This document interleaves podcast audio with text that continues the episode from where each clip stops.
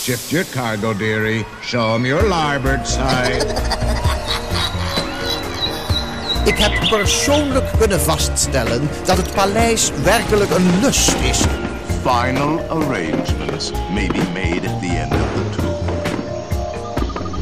Het is weer ochtend in Pretparkland. Goedemorgen pretparkland en welkom bij je ochtendelijke pretpark podcast. Mijn naam is Erwin Taats en Thibaut Renodijn en ik zijn vanochtend in het Sprookjesbos van de Efteling.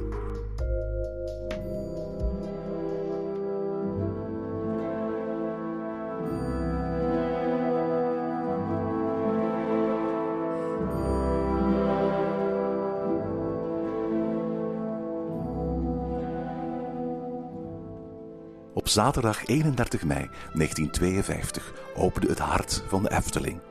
Het Sprookjesbos. Een door Anton Pieck en Peter Reinders ontworpen oase van groen. Waar tussen de bomen de vijf torens van het kasteel van Doornroosje priemen. Waar de wolf op jonge roodgekapte meisjes en op onschuldig ganzenborderde geitjes uit is. En waar elk kwartier de oneerlijke klechtslimme toon de bel luidt van de magische klok. Hier verwarmt een eenzaam klein kind zich aan de gloed van zwavelstokjes. Hier woont diep in de put vrouw Holle. Hier dansen betoverde elfjes in Indische waterlelies de nacht door. Het Sprookjesbos is sinds de opening in 1952 steeds groter geworden. Wat begon met tien uitbeeldingen is nu een lijvig levend boek om door te wandelen, met bijna 30 sprookjes. In Ochtend in Pretparkland trekken we al enige seizoenen naar het Sprookjesbos van de Efteling om er telkens eentje van dichterbij te bekijken. Wie zijn wandeling door het Sprookjesbos vanaf de Wolf en de Zeven Geitjes verder zet, wandelt niet alleen de zoete geur van perenbomen tegemoet, maar ook die van de peperkoekengevel, de pannenkoekendakpannen en de limonadefonteinen van het huis van de heks van Hans en Grietje. Het sprookje, voor het eerst opgetekend door de gebroeders Grimm, groeide uit tot een van de populairste volksverhalen van Europa. En de Grimms brachten bij bijna elke herdruk wel enkele aanpassingen aan. De bekendste toevoeging aan het volksprookje van de hand van de Grims is die van de witte lokvogel, die Hans en Grietje met zijn gezang door het bos naar het huisje van de heks lokt. En die door Anton Pieck in de Efteling parmantig op een van de schoorstenen van het huisje werd uitgebeeld. Thibaut en ik zijn vandaag in het Sprookjesbos van de Efteling en nemen een kijkje bij het huisje van Hans en Grietje. Goedemorgen Thibaut. Goedemorgen Erwin. Eh, we hebben onze wandeling in het Sprookjesbos verder gezet van waar we kwamen. De vorige keer waren we gebleven bij de Wolf en de Zeven Geitjes. En nu zijn we eigenlijk gewoon het, gewone pad verder gevolgd, nog dieper het bos in. En uh, zoals je ongetwijfeld kunt horen op de achtergrond, we staan hier voor het huisje van Hans en Grietje. Eigenlijk voor het huisje van de heks van Hans en Grietje. Ja, inderdaad. Echt wel een klassieker. Hè. Elk sprookjesboek uh, bevat wel het sprookje van Hans en Grietje. Het is al verfilmd. Uh, iedereen kent het. Je hoeft zelfs het sprookje niet gelezen te hebben, denk ik, om, om te weten waar het ongeveer over gaat. Het is echt, echt een icoon. Ja, absoluut. Je zegt dat nu wel. Ik denk dat heel veel mensen in Europa kennen. Het is uh, uh, door, door, Disney weliswaar, weliswaar als een short verfilmd, maar nooit als een grote animatiefilm. En, en de figuren van Hans en Grietje zijn ook helemaal niet zo bekend, denk ik, bij Amerikanen of mensen van buiten Europa. Maar hier in Europa en binnen het Westen is het denk ik wel een van de allerbekendste sprookjes. En uiteraard uh, het, het, het, symbool van en de heks en de boze stiefmoeder. Want voor alle duidelijkheid, is omwille van het feit dat de stiefmoeder van, van Hans en Grietje haar nieuwe man, de houthakker, ertoe beweegt om de kinderen achter te laten in het bos. Uh, dat zij hier echt terecht belanden. Een sprookje met twee foute vrouwen, dat spreekt tot ieders verbeelding. Absoluut. En zeker uh, hier in de Efteling, want de Efteling heeft er hier opnieuw voor gekozen om het sprookje, zoals we dat ook bij, bij Roodkapje onder andere zien, om het sprookje uit te beelden op een toch wel zeer um, spannend, grimmig en, en griezelig moment. Hè. We zien Hans gevangen zitten in de kooi naast het huis. Uh, Grietje daarnaast, angstig kijkend, alle twee heel erg op een uh, ongemak en terecht. Want uh, daarbinnen loert alle kwaad. Hè. De heks die af en toe naar buiten komt kijken met een niet al te vriendelijk gezicht. Dus het is wel een, een, een uitbeelding hier die toch enig onheil opwekt. Ik vind dat trouwens een van de allerleukste manieren om sprookjes uit te beelden. Niet de volledige vertelling van begin tot eind, maar het sprookje bevriezen op eigenlijk misschien wel het meest spannende moment. Het moment dat Roodkapje aan de deur staat van grootmoeders huisje, vlak voor bij wijze van spreken de wolf haar gaat verslinden. Uh, de wolf die bij het huisje van de zeven geitjes buiten staat, vlak voor hij naar binnen zal gaan. Hier uh, het moment bij wijze van spreken waarbij Hans en Grietje opgesloten zijn, vlak voor hun noodlot, namelijk in de pot van de heks belanden. Zich zal voortrekken. Ik vind het echt altijd super. En ik hoop ook echt dat de Efteling in, in, toekomstige sprookjes niet zomaar het volledige sprookje wil gaan uitbeelden, maar steeds meer gaat kiezen voor gewoon één krachtige scène uit het sprookje. En dan nog liefst wat, wat angstaanjagende zijn. Ja, ik heb dat ook, want zeker als je dan door het Sprookjesbos wandelt en je komt een scène uit een sprookje tegen, dan maakt het ook echt voor mij. Dan, dan kom je even terecht in de wereld van die sprookjesfiguren en je ziet een fragment uit hun leven, maar je krijgt niet het hele verhaal mee en dan, dat, maakt het, dat maakt het echt, vind ik. Dit sprookje is er voor ons en voor de meeste bezoekers van de Efteling al altijd. Maar uh, toen de Efteling opende in 1952 was het er nog niet, hè? Nee, klopt. Uh, het maakte niet deel uit van, van de oorspronkelijke selectie. Um, je vraagt je af waarom eigenlijk? Ja, ja inderdaad. Ik zei, zoals ik al zei, het is echt een klassieker. Hè. Um, Wat moeten ze hebben echt bij in die oorspronkelijke selectie eigen sprookjes zitten maken. Denk maar aan ja. uh, de magische klok. En dan zou je denken van, waarom de moeite doen om daar eigen sprookjes te gaan bedenken? Als je al die sprookjes van Grimm en Andersen en Perrault gewoon voor het rapen hebt liggen. Ja, ja inderdaad. En dat hebben ze dan um, drie jaar later toch wel, toch wel ingezien. Want dan in uh, 1955 was het eindelijk zover. En toen is uh, Hans en Grietje hier in het Sprookjesbos geopend. Uiteraard naar een ontwerp van Anton Pieck. Ja, absoluut. Een, een, een, ontwerp dat Anton Pieck specifiek gemaakt heeft voor de Efteling. En dat moet ik er wel eventjes bij zeggen. Want uh, in het grote sprookjesboek van Grimm, dat door Anton Pieck ook geïllustreerd werd, staat een andere en uh, misschien veel sprookjesachtiger voorstelling. Ook wat met, met veel meer tierlantijntjes, veel meer versieringetjes dan het huisje dat hier staat. En eigenlijk vrij eenvoudig is qua, qua opzet. Ja, inderdaad. Uh, het is eenvoudig, maar toch is het, is het gewoon echt ontzettend herkenbaar. Hè. Uh, het, huisje zelf is, is, de muren zijn, zijn ja, zal ik dan maar zeggen, met een soort met suikergoed, wit suikergoed, dat ook, dat ook blinkt in de zon. Uh, de daken die zijn van, van pannenkoeken gemaakt.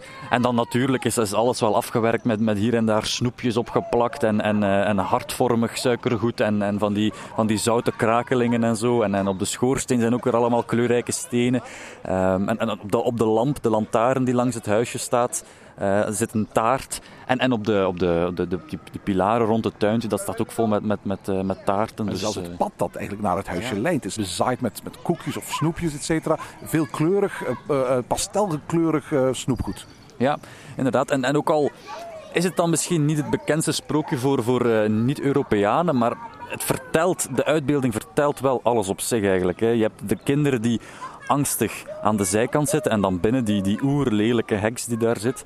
Dus het spreekt echt wel voor zich. Ja, absoluut. Wat ik heel tof vind, een aantal jaren geleden, ik geloof in 2016, heeft het sprookje een, een grote uh, renovatie en restauratie ondergaan. En daarbij hebben ze één effect toegevoegd, een geureffect, uh, dat men eigenlijk al van in het begin aan dit sprookje eigenlijk wou toevoegen. Hè? Ja, inderdaad. Vanaf 1955 was het dus de bedoeling dat je niet alleen het huisje zou zien en misschien af en toe iets zou horen, maar dat je ook het huisje zou ruiken. Hè? En dat je dus de, het, het lekkers, de koekjes, uh, dat dat dus hier door het Sprookjesbos in de Efteling, dat daar zo'n zoete geur zou drijven. Nu, toen in 1955 was de, de technologie misschien nog niet zo uh, ver gevorderd. Ze hebben het wel geprobeerd, hè? Ze hebben het geprobeerd, inderdaad. Ze hebben het geprobeerd, maar door dus die bosrijke omgeving ja, verdween die geur uh, als sneeuw voor de zon. Hè? En uiteindelijk zijn ze er wel in geslaagd. En het toffe is nu letterlijk bij wijze van spreken dat lang voor je het, het huisje ziet, is het zo dat je eigenlijk, zodra je van, van, uh, de, uit de richting van uh, de Wolf van de Zeven Geitjes komt, je echt die, die geur, die kaneelgeur, uh, in, in, werkelijkheid is, is het geur van cookies geloof ik, eigenlijk kunt ruiken. En dan in de winter is het speculaasgeur. Dus lekker toepasselijk dat de heks ook voor de kinderen die winters door het bos lopen, haar geuren, haar verleidingen aanpast. De kinderen worden seizoensgewijs richting het huisje van. Hans en Grietje, of de heks van Hans en Grietje gelokt. Ik vind dat een enorm toffe toevoeging. De Efteling heeft her en der in het Sprookjesbos wel wat geureffecten, maar vooral in gebouwtjes. Denk maar aan bijvoorbeeld uh, in uh, Herberg de Eersteling, denk maar aan het kasteel van Sneeuwwitje, de stiefmoeder van Sneeuwwitje. Maar er worden relatief weinig geuren gebruikt in een openluchtomgeving. En, en, en hier laat het eigenlijk zien hoe toepasselijk het is, maar ook hoe krachtig het eigenlijk is. Ik denk dat iedereen die er voorbij komt en die, die, die, die, die, die geur waarneemt, daar iets van zegt. Ja, inderdaad. En het is ook gewoon een heel goed sprookje om het bij te doen. Hè. Allee, ze hebben dat nu hier gedaan, die geur. Perfect. Maar het hoeft voor mij ook bijvoorbeeld niet, niet overal te zijn in open lucht. Ik hoef niet bij, bij draaklicht geraakt te staan en dan vuur te ruiken of zo. Ja, ja of, of, of bij, bij de, de zeemeer met een soort vissengeur. Ja, nee, nee, nee, nee, exact. bij Pinocchio al. Hè. Inderdaad. Dus, uh... minder, minder indringend dan, dan, ja. dan, dan eigenlijk gewenst is waarschijnlijk, maar toch inderdaad. Ehm, het, het sprookje is een aantal keren geüpdate en aangepast. Hè? Ja, inderdaad. Ehm, de stem van de heks onder andere, die is, die is veranderd in de loop der jaren. Het is nu Wieteke van Dort, hè? Het is nu Witteke van Dort, inderdaad. Vrij onherkenbaar als je herkent van, van de, de zoete, warme stem die, die onder andere het sprookje van de rode schoentjes en het verhaal van de laven en zo vertelt. Maar hier is ze dus te horen als, eh, als een schelle heksenstem. Maar in de beginjaren was het dus zo dat uiteraard Peter Reinders, de grote techneut hier van het park eh, van toen, dat die verantwoordelijk was voor de techniekjes eh, van de heks en zo. En toen had hij in, in der tijd aan zijn dochter gevraagd van kijk, spreek jij eens even de stem voor eh, Hans en Grietje de heks in. En eh, dat was toen in de beginjaren zijn dochter die hier kon horen. Het bevat een van de oudste interactieve elementen van het Sprookjesbos, namelijk het, hendeltje waar je aan trekt. Dan zie je en hoor je de kat die tevoorschijn komt, dan begint eh, de vogel op de schoorsteen te bewegen en dan gaat het luikje van de voordeur open en dan zie je daar de, de, heks doorpriemen. Heks die zo'n beetje een beweging maakt alsof ze achter het deurtje op een skateboard aan het, aan het heen en weer schommelen is. Hè? Ja, klopt, klopt. Maar ze beweegt wel. Um, en je zegt, als je op het hendeltje duwt, dat dat de kat dan verschijnt. Maar dat is toch ook iets dat was niet in, in, uh, in nee, nee, 55. Hè. Um, eind jaren 60 werd er dan besloten hier dat het sprookje misschien toch nog iets meer kon gebruiken dan alleen uh, de heks. En toen hebben ze die kat ook toegevoegd. Hè. Uh, Anton Pieck heeft ook een, een, ontwerp gemaakt voor een volledige kat die dan op het trapje zou gestaan hebben, maar dat is niet uitgevoerd. Maar het is dus gewoon een, een, een hoofd geworden van een kat met een, met een gemene klauw ernaast die dus uit een, een holletje in, in de muur komt kijken. Nou, we zien trouwens dat de, de figuren van Hans en Grietje bewegen, althans hun hoofden kijken zo heen en weer. Dat was in het begin ook niet, hè? Nee, nee, nee, nee, nee zeker niet. In het begin waren het gewoon twee statische figuren die daar zaten. Um, uiteindelijk zijn het dan animatronics geworden. En dan in 2016, bij die, bij die grote update, wanneer ze ook het geureffect hebben toegevoegd, hebben die een heel mooi nieuw uiterlijk gekregen met mooie nieuwe pruikjes en zo. En nu zijn het echt, echt prachtige figuren. Het, is, het, zijn, het zijn prachtige figuren, maar als daar één puntje van kritiek mag tegen, eh, te, eh, over, over zeggen van, wat ik altijd jammer gevonden heb, is dat Hans en Grietje niet bewegen zolang niemand dat hendeltje komt. Ja, inderdaad. Um, dat is zo. En we hebben daar Hans en Grietje in dat hoekje tussen, het, uh, tussen de struiken. En um, daar, daar kan je ook, als, als het donker is, nog, nog zo van die kleine, kleine oogjes zien zo in, het, uh, in, het, in het groen. Hè. Dus uh, als het hier zo begint te schemeren, dan, dan zijn daar zo spiedende oogjes vanuit het, uh, het groen te zien die ja, ook het tafereel gadeslaan. Nu je het daarover hebt, hè, we zijn hier nu bij Hans en Grietje, vind ik dat we nog een ander effect moeten vertellen dat op zich geen deel uitmaakt van het sprookje van Hans en Grietje, maar dat eigenlijk wel in deze omgeving uh, te zien is als de zon eenmaal onder is. En ik vind het zelf een van de meest wonderlijke effectjes van de Efteling. Ooit toegevoegd toen de Efteling een heleboel van dat soort effectjes wou toevoegen. Zo gezegd om de parel te poetsen. Men wou meer verrassingen en, en, en, en elementen toevoegen die mensen als het ware deed, kijken naar kleine details. hebben ze ook nu weer gedaan toen ze het kabouterdorp hebben aangepast. Daar hebben ze heel veel kleine diersoorten, uh, eekhoortjes, muisjes overal uh, aan toegevoegd. Wel, toen hebben ze in het begin, aan het begin van, van deze eeuw uh, ook een fantastisch effect toegevoegd in het struikgewas aan de rechterkant als je wandelt van Hans en Grietje naar het huisje van vrouw Holle. Inderdaad, ja, dat is echt een, een fantastische uh, verrassing. Um, je kan daar, als het dus donker is, een zwerm uh, vuurvliegjes zien vliegen tussen de struiken. En als, je, als, het, als het niet donker is en je gaat heel goed kijken. Dan kun je zelfs de techniek zien die het doet. Maar tof is, die techniek is helemaal in het groen geschilderd. Dus je ziet er eigenlijk amper niks van als je, als je, als je, als je het niet opvalt. Het is een heel rudimentair, eenvoudig effectje met wat glasvezellichtjes die op een, op een frame zijn vastgemaakt. En dat frame beweegt dan en dan gaan die aan en uit. Maar één keer de zon ondergaat en het effect aangezet wordt, is het werkelijk alsof een zwerm vuurvliegjes verschijnt en weer verdwijnt in het struikgewas. Hè? Ja, en dat maakt het bos ook echt, echt af gewoon. Dat maakt het echt tot een magisch sprookjesbos ik heb altijd zoiets van, ja, de Efteling mag dat af en toe wel eens doen, zoiets toevoegen. Ik bedoel, ze moeten daar niet meer gaan rondstrooien. Het bos moet geen uh, plek worden waar je eh, om, om, om de een of andere hoek telkens een, een, een, een effectje kan, kan zien of iets zien bewegen of zo. Maar... Daarom ben ik zelf ook bijvoorbeeld geen fan van veel van de toevoegingen die ze bijvoorbeeld doen voor de Winter Efteling. Ja, ah, ja, ja. Wel ja, ik heb het ik heb het daar minder moeilijk mee. Um, maar zo van die kleine dingetjes, ik vind dat dat misschien nog iets meer mag. Um, maar dan ook weer, ook weer niet te veel. Uh, ze hebben dat bijvoorbeeld ook gedaan bij de, een aantal geluidseffecten rond Draaklicht geraakt. Zo, zo van die windeffecten in, of, of uh, in, de, in de struiken. Of zo takjes die je hoort ritselen en zo. Of, of de bezemsteel van de heks uh, in de bomen daar. Um, en dat mag voor mij af en toe nog wel iets meer zo. Mm -hmm. ik, ik, ik, ik, snap dat. En dat, ik hoop dat ze in geval bij nieuwe sprookjes die toegevoegd uh, worden, ook dat soort kleine dingetjes eraan toe gaan voegen. Mag ik nog een puntje van kritiek geven? Ja, zeker. Een van de dingen die Hans en Grietje zo gezegd zouden lokken in de richting van het huisje van, Hans, eh, van, van de heks van Hans en Grietje. Ehm, dat zijn de limonadefonteinen. Dat effect is er al eigenlijk zo lang als ik weet eh, dat het er is. Ik weet niet of het al op dezelfde manier gebeurde in de beginjaren. Maar het is gewoon een fonteintje waar wat gekleurd water doorheen stroomt. En ik vind dat fonteintje wat pover. Ik vind dat fonteintje wat magertjes. En het effect zorgt er eigenlijk voor dat ook het, het limonade-effect helemaal niet zo appetijtelijk het is. Het is echt gewoon ja, gekleurd water.